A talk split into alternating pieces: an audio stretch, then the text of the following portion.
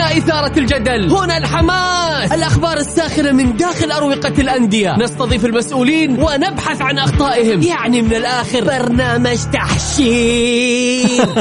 دقيقة دقيقة. تحشير إيه يا حبيبي؟ ما يحتاج كل هذا الأكشن. الوضع مختلف تماما. بناخذكم في جولة خفيفة. نناقش فيها مواضيع الرياضة ببساطة. أخبار رياضية حصريات معلومات فنية وتكتيكية. ولقاءات مع لاعبين ونقاد ومسؤولين. معانا في الجولة. الآن الجولة مع محمد القحطاني على ميكس أف أم. ميكس أف أم هي كلها في الميكس.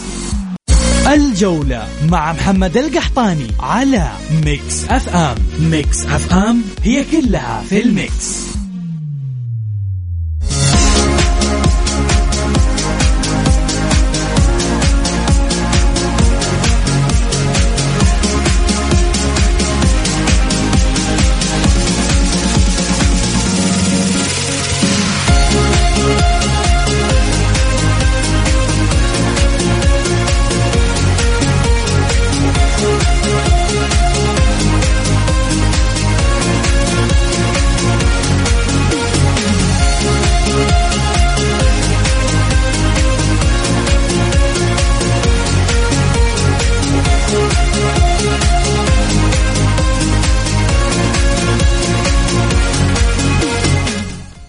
يا هلا وسهلا مساكم الله بالخير وحياكم معنا في برنامجكم الجولة على ميكس إف إم. معي أنا محمد القحطاني.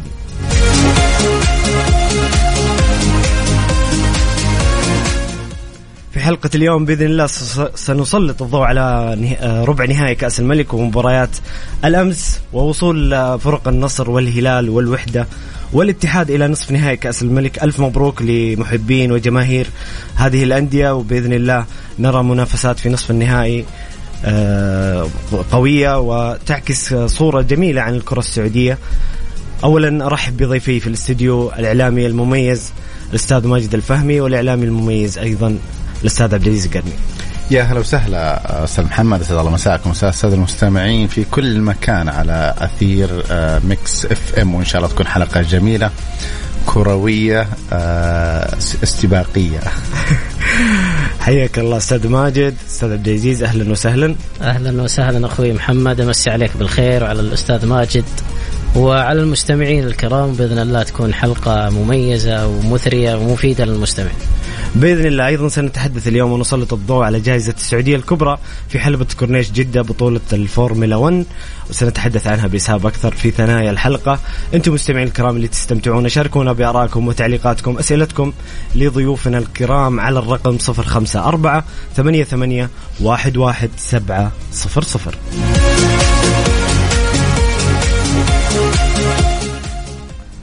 نبدأ بالحديث عن المباراة الأولى في يوم أمس مباراة النصر وأبها. بعد ما تحدثنا عن مباراة الوحدة والباطن أمس وباركنا وصول الوحدة إلى نصف النهائي النصر الطرف الثاني في نصف النهائي أستاذ ماجد.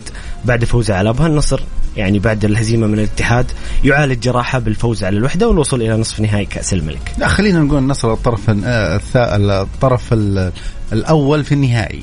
وليس في نصف النهائي يزعلون منك الوحداويه حبايبي الوحداويه أنا من أهل مكة يعني عشت في مكة ودرست في مكة.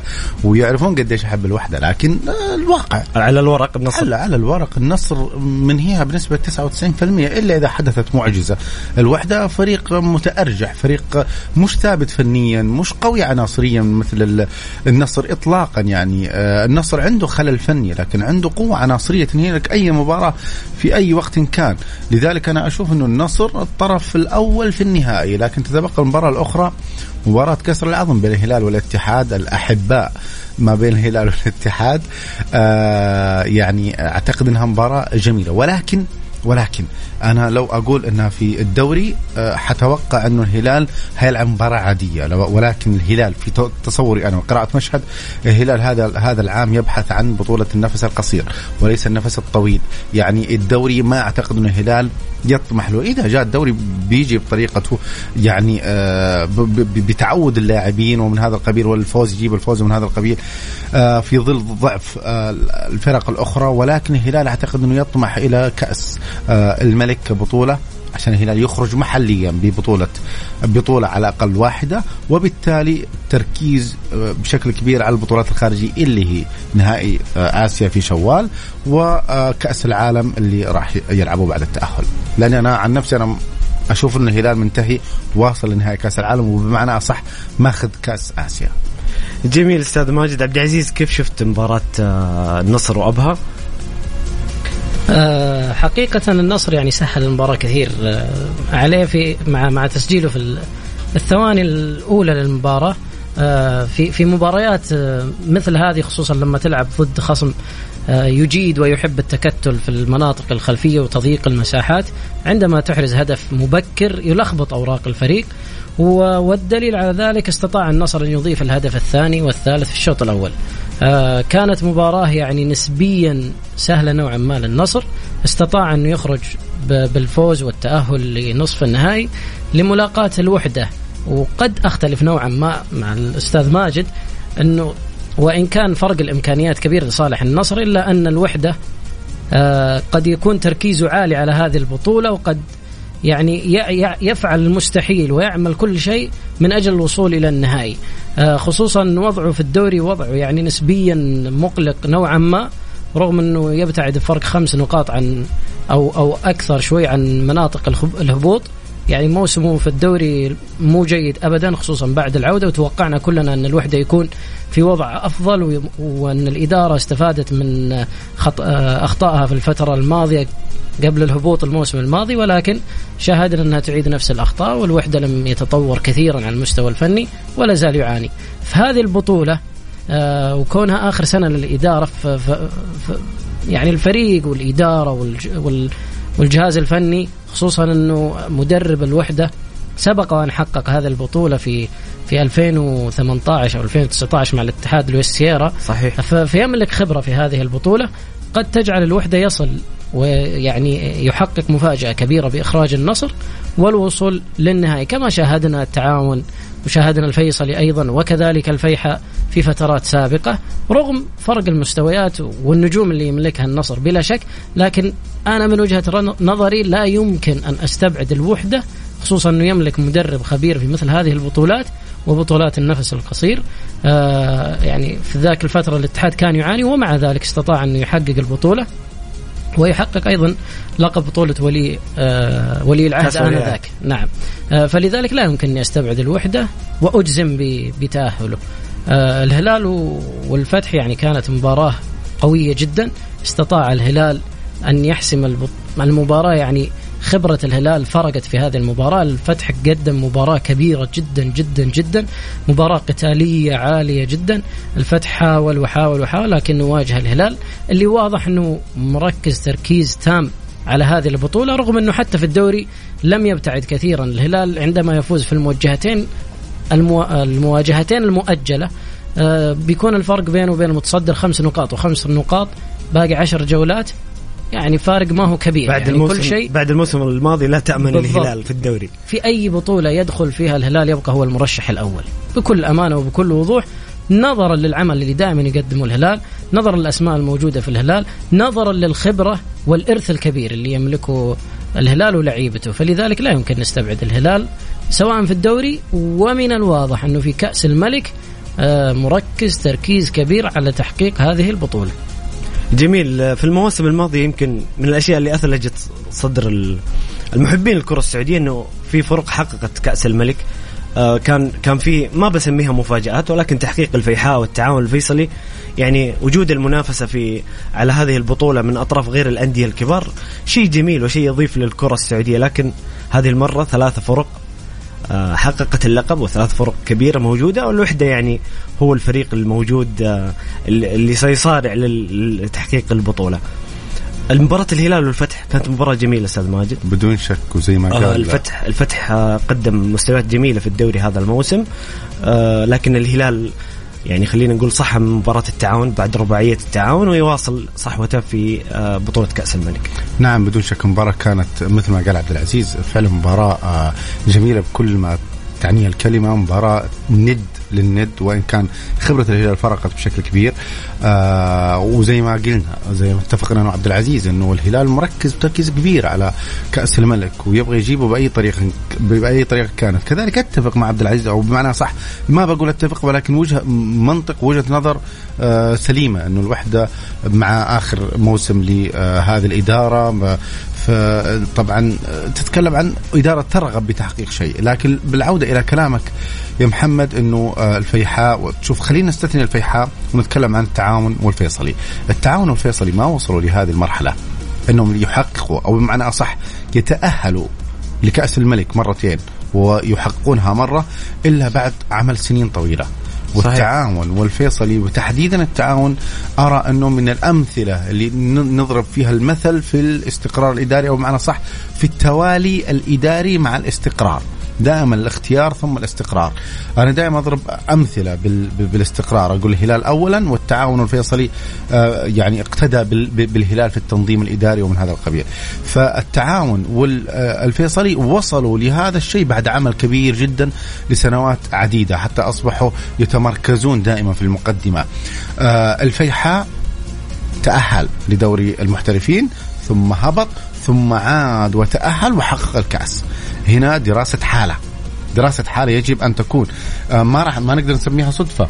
ما نقدر نسميها صدفة لأنه فعلا في حال يقوم بعمل من أول ما تأهل طموحاته اعتلت بشكل كبير خلفه رجال يدعموه بشكل كبير فلذلك يعني نقدر نقول في حالة استثنائية جميلة جدا تستحق الدراسة ويجب العمل عليها. من هذا المنطلق أي نادي يتأهل لدوري المحترفين السعودي؟ دوري آه، روشن. أعتقد إنه لا مجال له بأي أعذار. ثمانية محترفين على مستوى عالي أمورك إن شاء الله في السليم. جميل أستاذ ماجد. خلينا ناخذ تعليقات بعض المستمعين الكرام. هاشم اتحادي من مكة يقول اللهم لك الحمد ألف مبروك الفوز والتأهل لنصف النهائي للعميد. و hard luck لكل اللي يشجعوا الفيحاء. و hard luck للجار الراقي الهزيمة من نادي الرياض. خلاص يا هاشم مباراة الرياض لها ثلاثة أيام. هاشم حريري؟ إيه. هاشم حريري. أوه. هذا لازم كل يوم كذا يعطي الاهلي لازم يعطي الأهلي وبرضه أنا مسنتر معي في المنشر رجل جميل صراحة يعني. عموما مستمعينا الكرام شاركونا بارائكم وتعليقاتكم. حول مباريات كأس الملك وأسئلتكم وتعليقاتكم على بطولة جائزة السعودية الكبرى في الفورمولا 1 على الرقم 054 88 11700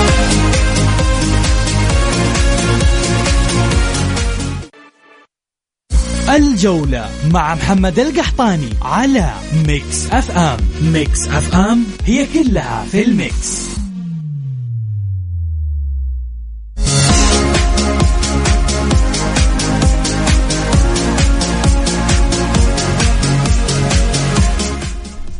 يا هلا وسهلا مستمرين معاكم في برنامجكم الجولة على مكسف معي أنا محمد القحطاني ومع ضيفي الكريمين الأستاذ ماجد الفهمي والأستاذ عبد العزيز القرني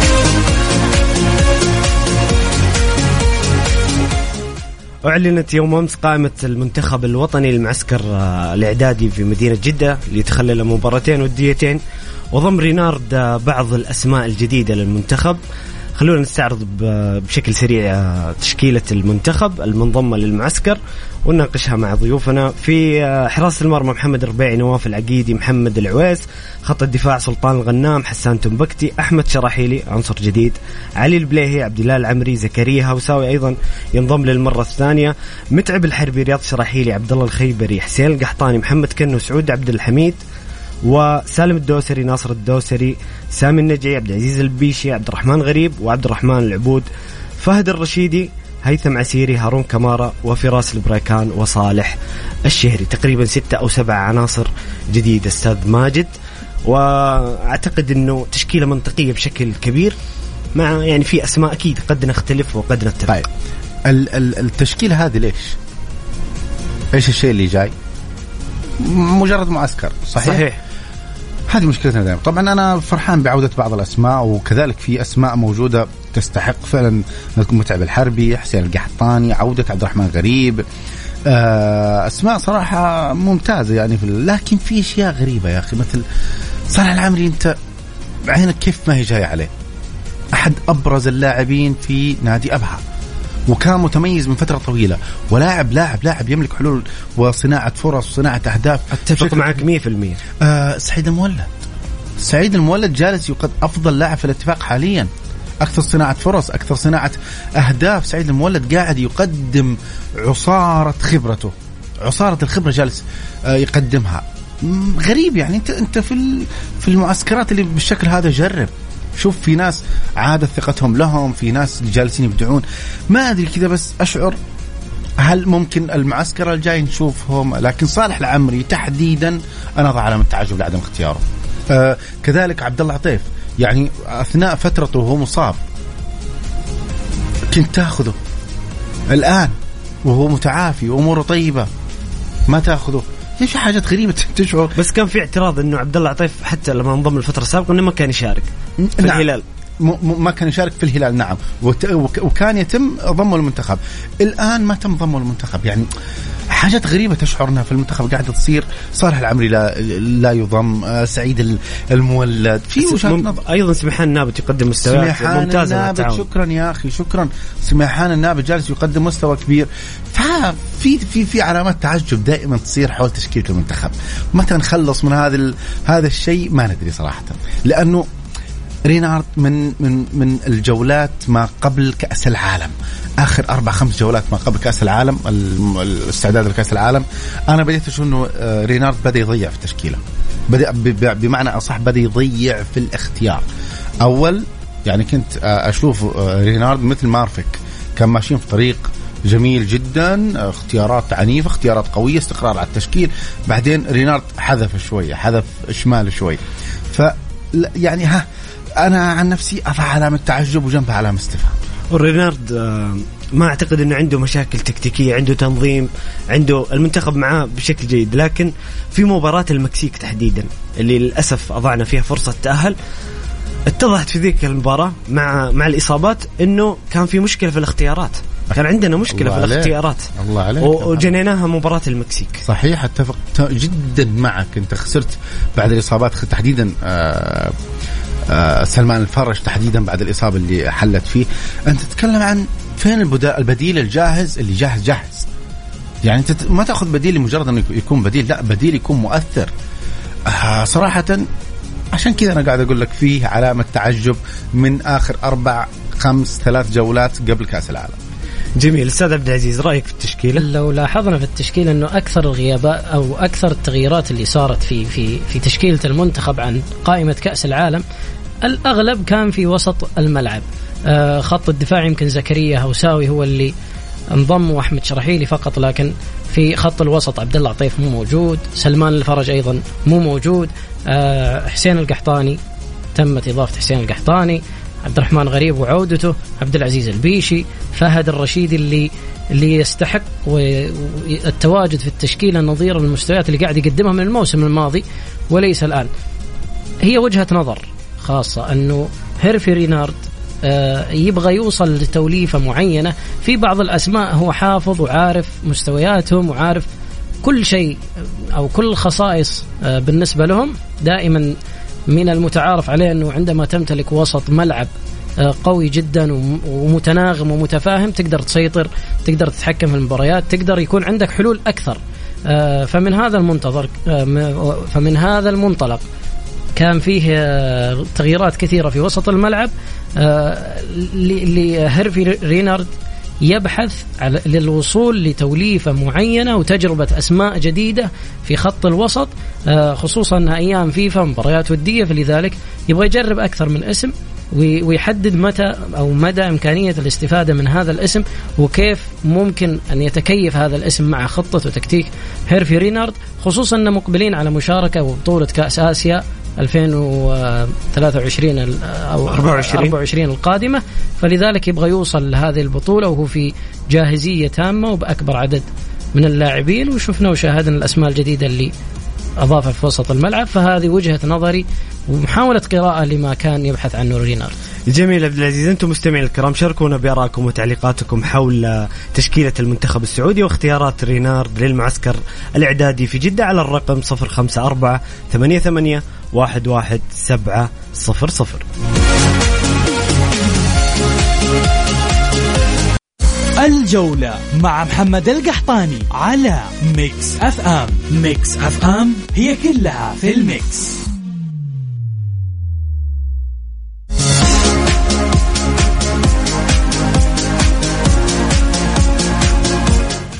يا هلا وسهلا مستمرين معكم في برنامجكم الجولة على المكسف معي أنا محمد القحطاني ومع ضيفي الكريمين الأستاذ ماجد الفهمي والأستاذ عبد العزيز القرني. ناخذ سؤال أحد المستمعين الكرام يقول مساء الخير على الجميع. على الورق النصر فاز بسهولة لكن في أرض الملعب النصر كان يعاني هجوميا. الفريق ما سنحت له فرص كثيرة طوال المباراة وخدم هدف النجعي المبكر في إنه يكسر تنظيم أبها. ولكن برايي المكسب الأكبر للنصر في الفترة الأخيرة هو عودة ألفارو وأيضا العقيدي.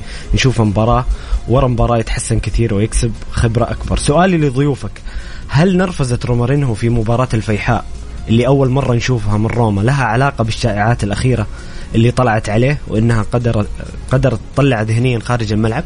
ما أشوف ما أشوف هذا الشيء. أحداث المباراة نفسها فقط لا أكثر ولا أكثر. ومارينو نعرف إنه لاعب ملتزم لاعب منضبط لاعب في أرضية الملعب يعني نحله حقيقية في الاتحاد. وما اعتقد ما أعتقد إنه لها أي دخل. أعتقد إنه يستطيع الفصل ما بين آه، ادائه والاشاعات الأخرى. بدليل إنه في عزمته مع الاتحاد وفسخ العقد في آه، فترة سابقة كان يؤدي مهامه في أرضية الملعب بشكل كبير جدا وهو فسخ عقد أنت تتحدث عنه. ويمكن رومارينو من اللاعبين ال top في استمرارية الأداء. نعم بدون شك. قد تكون قد تكون الخشونة آه، هي أحد الأسباب. آه، اعتقد. نرفزت رومارينيو لأنه شاهدنا رومارينيو منذ قدومه في 2018 تقريبا وبدايات 2019 لنادي الاتحاد.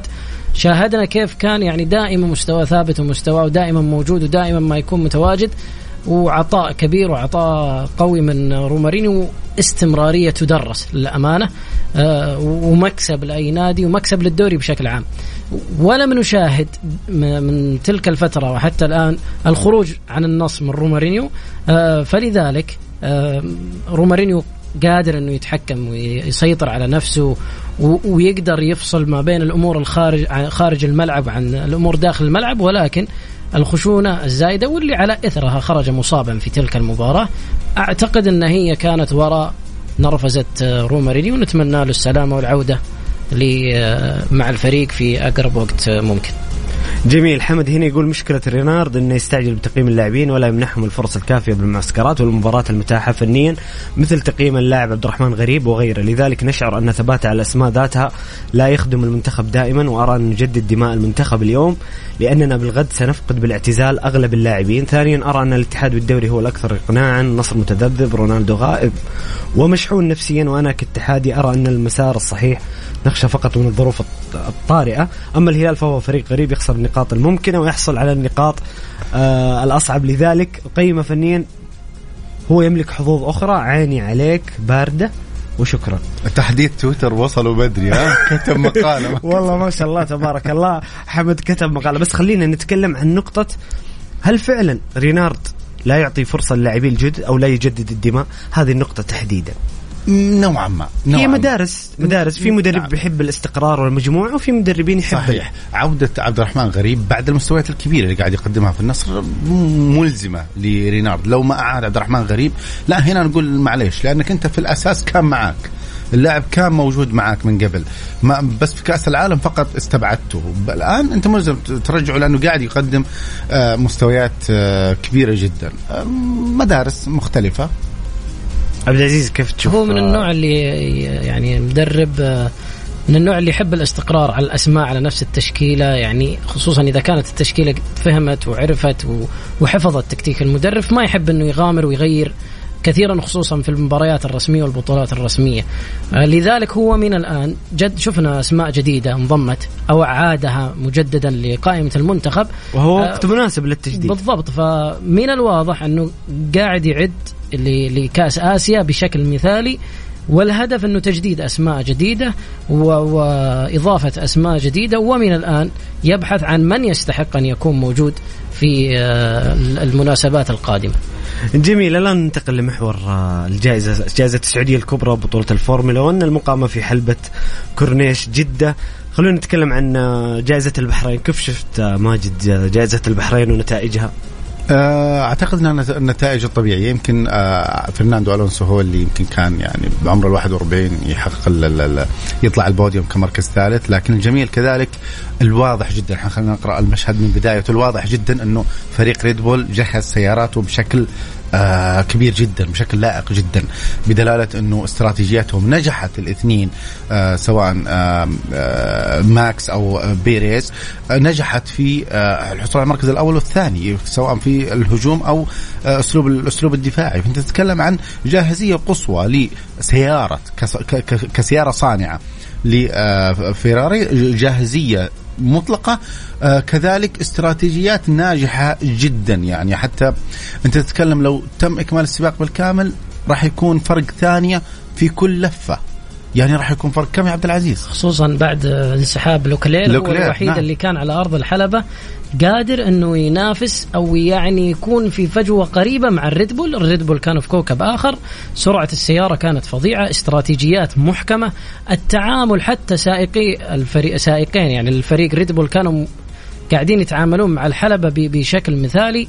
آه قاعدين عارفين كيف يطيرون يديرون إطاراتهم يخففون من من آه تآكل الإطارات خصوصا حلبة البحرين كان هي من الحلبات اللي يكون فيها تآكل بشكل عالي. وشاهدنا ذلك خصوصا مع الفراري سواء قبل انسحاب لوكلير ومع كارلوس ساينز اللي خسر مركز البوديوم في في اللفات الأخيرة لصالح آه فرناندو ألونسو. فلذلك حلبة البحرين فيراري مرسيدس خيبة أمل لم يجيد التعامل مع مع الحلبة والسباق. فيراري كعادته آه، استرا هو هو عندهم مشكلة آه، استراتيجيات عندهم مشكلة في في الموثوقية أيضا. شاهدنا انسحاب لوكلير بعد التعطل السيارة. آه، فيراري الآن تأمل إنه قادرة وعندهم طموح وأمل إنهم قادرة مع بعض التحديثات البسيطة على سد الفجوة الفجوة عفوا بينهم وبين ريد بول على أرض حلبة كورنيش جدة لأنها مختلفة تماما عن أرض وحلبة البحرين. لذلك حتى مدير الفريق اللي هو فاسور قال لدي الموارد في الفريق الآن وسلطة اتخاذ القرار آه، لم أمتلكها في أي فريق آخر. هذا تصريحه قبل أيام. جميل. قبل أيام خصوصا بعد التقارير اللي طلعت بعد جائزة البحرين إنه لا يملك بعض القرارات أنه لا ليس لديه سلطة كافية وسلطة كاملة في اتخاذ القرارات كونه مدير الفريق وهذا يسبب مشاكل في الفريق أو تداخل ويأثر على الفريق لكن هو قطع ذلك بتصريحه بتصريحه اللي اللي ذكره. لذلك هو من يتحمل المسؤولية هو عارفين أنه أول موسم آه، له بعد آه، استقالة أو إقالة آه، المدير السابق بنتو فلذلك الفراري العام كانت قريبة من من الريد بول كان في منافسة كبيرة لكن الاخطاء الاستراتيجيات إضافة إلى عدم وجود موثوقية عالية في الموسم الماضي ضيعت على على الفراري المنافسة على بطولة الصانعين وأيضا السائقين اللي سيطر عليها الريد بول. وبداية الموسم هذا الريد بول كان فارق بشكل كبير رغم اللي آه، العقوبة المفروضة عليه ماليا أو حتى في آه، نفق الرياح على آه، يعني حسب ما أصدر الاتحاد الدولي للسيارات خصوصا بعد تجاوز سقف الميزانية في الموسم الماضي. فلذلك الريد بول إلى الآن بداية موسم قوية بداية موسم عنيفة وما حد كان يعني متوقع غير ذلك. يعني إن الريد بول حتكون في في كوكب آخر لكن المفاجاه كانت من من فرناندو ألونسو وسيارة الاستن مارتن. اللي كانت سيارة سواء مع لانس سترول اللي حقق المركز السادس أو مع ألونسو اللي صعد البوديوم رقم 99 بسن 41 وبالمناسبة هو الف... هو السائق الوحيد في تاريخ الفورمولا 1 الذي فاز مع يعني صعد البوديوم مع أول سباق له في أي شركة يروح يعني ثلاث عظيم. مرات عظيم. في ماكلر ماكلارين مع ماكلارين في جائزة استراليا 2007 حقق المركز الثاني في أول سباق له مع ماكلارين في 2010 في حلبة البحرين حقق المركز الأول مع فراري في أول سباق له مع فراري وأعاد ذلك بسن ال 41 آه، في عام آه، الموسم هذا في حلبة البحرين وحقق بوديوم مركز ثالث في أول سباق له فرناندو ألونسو طبعا هو بطل العالم في نسختين سابقة جميل. بس آه، يعني تفضل آه، موضوع ريد آه، بول يا عبد العزيز يساعد في هذا الأمر شراسة وتوحش فيرستابن فيرستابن يعني من عينة مايكل شوماخر عينة لويس هاملتون؟ لويس لا لويس هاملتون مش بال بالوحشية أو خلينا كيف نقول الاندفاعية مثل مايكل شوماخر مثل اللي توفى في في 2014 في 2014 آه آه، آه، بيانكا أو بيانكي؟ سائق الفراري. نع- نعم سائق فيراري. يعني آه، هذه النوعية من المتسابقين هم اللي يساعدوك على تنفيذ أي استراتيجية. عندك مثلا شارل لوك- لوكلير. عبد العزيز يعرف إني أنا أحبه كثير. أنا أنا أرى أنه موهبة. أرى أنه نيكي لاودا السبعينات ال- الماضية. فأنت تتكلم عن لاعب موهوب جدا. أنا أتخيل لوكلير في آه مرسي آه في مرسيدس تحدي- تحديدا. ما نقدر نقول في آه في آه ريد بول ريد بول. أعتقد إنه راح يحقق نتائج كبيرة تحديدا بعد التحطم المعنوي اللي حصل له حصل للويس هاملتون بس في الموسم الماضي والموسم هذا حتى لوكلير لو كان في المرسيدس بيكون ممكن نخسر موهبة أمانة بسبب- بسبب- بسبب الشغل بالضبط. السيارة اللي بالضبط. كانت سيئة الموسم الماضي والموسم حتى الموسم هذا صح صار فيه تحسين تحسين. بعد الصيف أو توقف؟ الصيف آه، جلب ج- آه، جيمس أليسون المدير التقني. أعادوه الآن بعد عادوها جائزة الآن البحرين. بعد جائزة البحرين. هذه أخطاء استراتيجية غريبة جدا صراحة. تحدث من فريق مثل مرسيدس. يعني آه، مرسيدس من يتخبط. 2014 انت مسيطرة على على وقت ما يكون فاصل قلنا أنا. لا لا لا عادي. ثمان بطولات مستمتع. بالنقاش الجميل. ثمان بطولات متتالية. نعم مع مرسيدس. آه. لويس هامilton مع مرسيدس. ما حقق مع فرق ثانية. بس على كلمة إنه لويس هاملتون مو مو وحشية وما عنده أكثر وحشية اللي شاهدناه في 2021 والصراع الكبير اللي استمر فيرستابن. إلى اخر إلى آخر جولة يعني من كان من أمتع ال- المواسم حقيقي في تاريخ الفورمولا 1 إلى آخر جولة بل إلى آخر لفة في في في البطولة نعم. والصراع بين ال- تنافسية عالية جدا. تنافسية عالية بين فرستابن ولويس هاملتون من شاهد هذا الموسم يعرف عدائية لويس هاملتون ويعرف شراسة فر- ماكس فرستابن اللي ما عنده ما عنده تفاهم ابدا. دائما سواء مع التعامل مع الفريق والتواصل فريقه. مع مع فريقه مدراء الفريق أو المهندس الخاص بماكس فرستابن أو حتى مع الخصم على أرض الحلبة. آه يعني مليات بسيطة في أرض الحلبة. يدخل ولا يخاف ويحاول إنه يهاجم بكل قوة.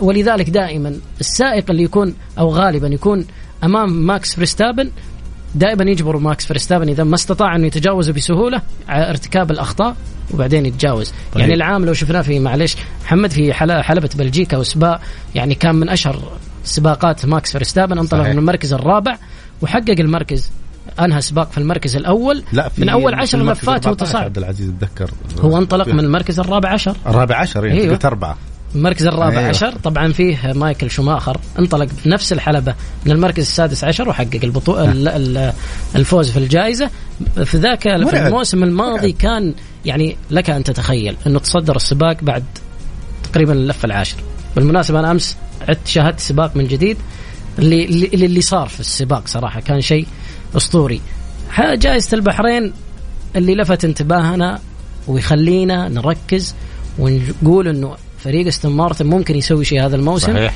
اللي هو ظهور فريقنا. ظهور فريقنا. دقيقة لا تنقز عبد العزيز على المحور الجاي. لا هو ما هو محور. لا لا لا أنا بتكلم بهذه الجزئية اللي هو آه، آه، فرناندو ألونسو شاهدنا مدى ارتياحيته لدرجة إنه لما طبعا هو تأخر مع الانطلاقة قليلا بعدين تجاوز سيارتين المرسيدس وتجاوز الفراري.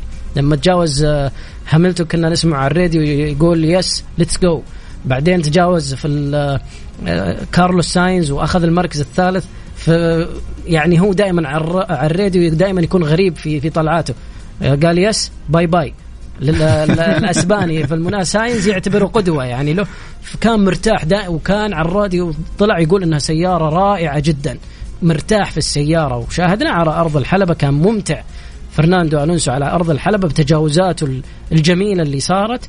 آه، فلذلك هذا يعطينا مؤشر. وذكر أيضا أنه لا زال في الفريق في جعبته الكثير من التحديثات. طبعا ما في ما حيصير تحديثات كبيرة قبل جولة آه، أذربيجان. هي اللي حيكون على حلبة باكو حيكون فيها تحديثات كبيرة لكل الفرق. الآن تحديثات بسيطة وتعاملات مع آه، استراتيجيات معينة مع على حسب الحلبة اللي تختلف. كل فريق يكون له حلبة يعني تكون مصدر قوة له وحلبة أخرى تكون مصدر قوة مثلا الفرق ثانية تعتمد على عدد المنعطفات التعامل مع المنعطفات أيضا مع سرعة الحلبة آه، فيها آه، يعني انعط- انعطافات أو منحنيات قوية منحنيات بسيطة الحلبة سريعة مو سريعة في تختلف من حلبة لحلبة واستراتيجيات جميل جميل مختلف. جميل جدا آه، لو سألتكم مين ترشحون للفوز بجائزة السعودية الكبرى؟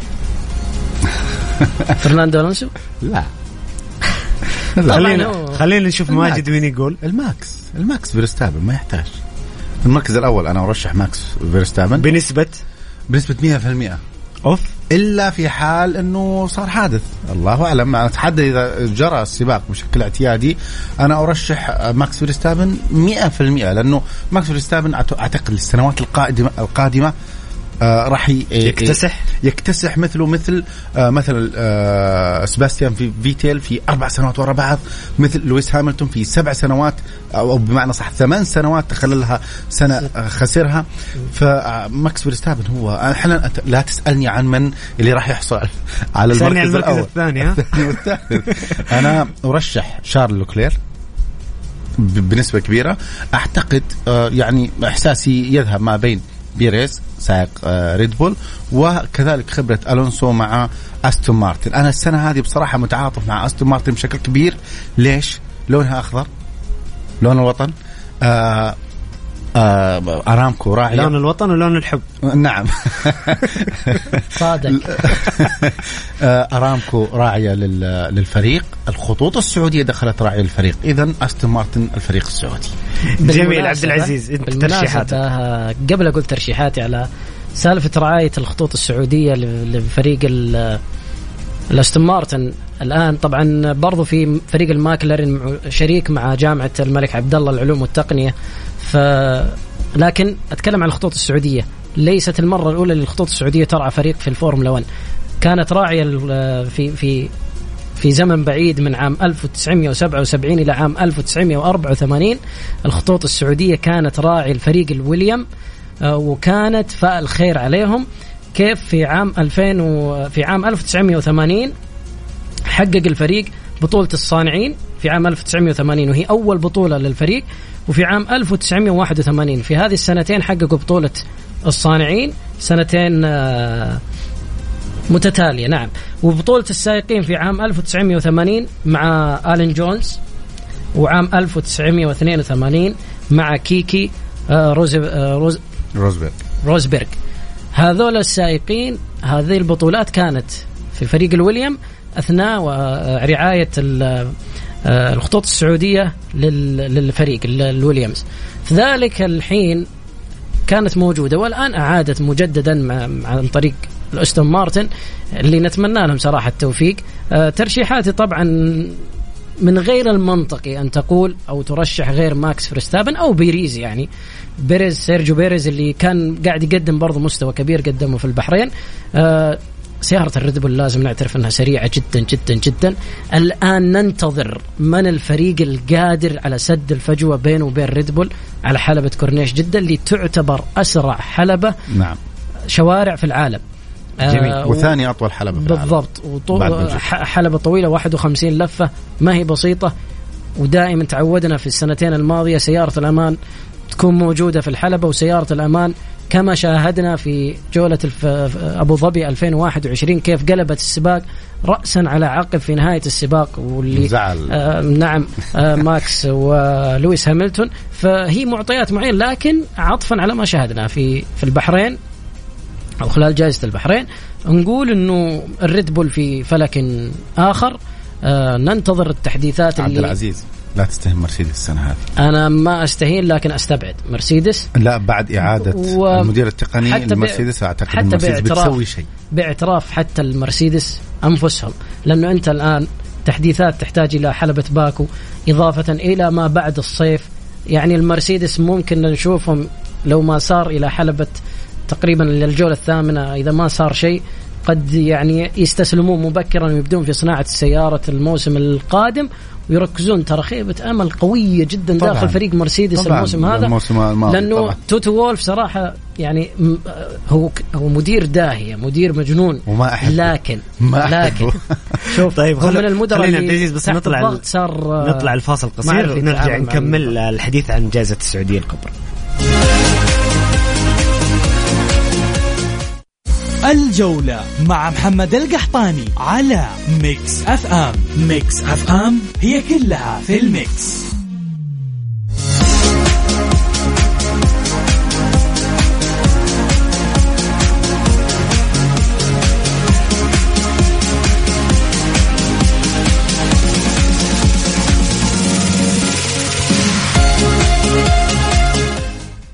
يا هلا وسهلا مستمرين معكم في برنامجكم الجولة على Mix FM معي أنا محمد القحطاني ومع ضيفي الكريمين الأستاذ ماجد الفهمي والأستاذ عبد العزيز. القرني سؤالي هل فريق أستون مارتن قادر على المنافسة على البطولة هذا العام؟ أتوقع هو أقرب فريق للمنافسة بناء على المعطيات اللي شفناها في البحرين وتجهيز السيارة كذلك كان تجهيز عالي المستوى أفضل بكثير من السنوات الماضية. أستون مارتن اسم كبير وتاريخ كبير في عالم الفورمولا وطبعا بحكم العاطفة إنه أستون مارتن تعتبر الآن بهوية سعودية وطابع سعودي كذا شوي. فأعتقد إنه أستون مارتن هي الأقرب لمنافسة ريد بول لكن زي ما قال عبد العزيز يا محمد ترى ريد بول يسبحون لوحدهم. هي ترى ترى الاستون مارتن مستنسخة السيارة من من ريد بول يعني آه، فلذلك شاهدنا سيارة سريعة.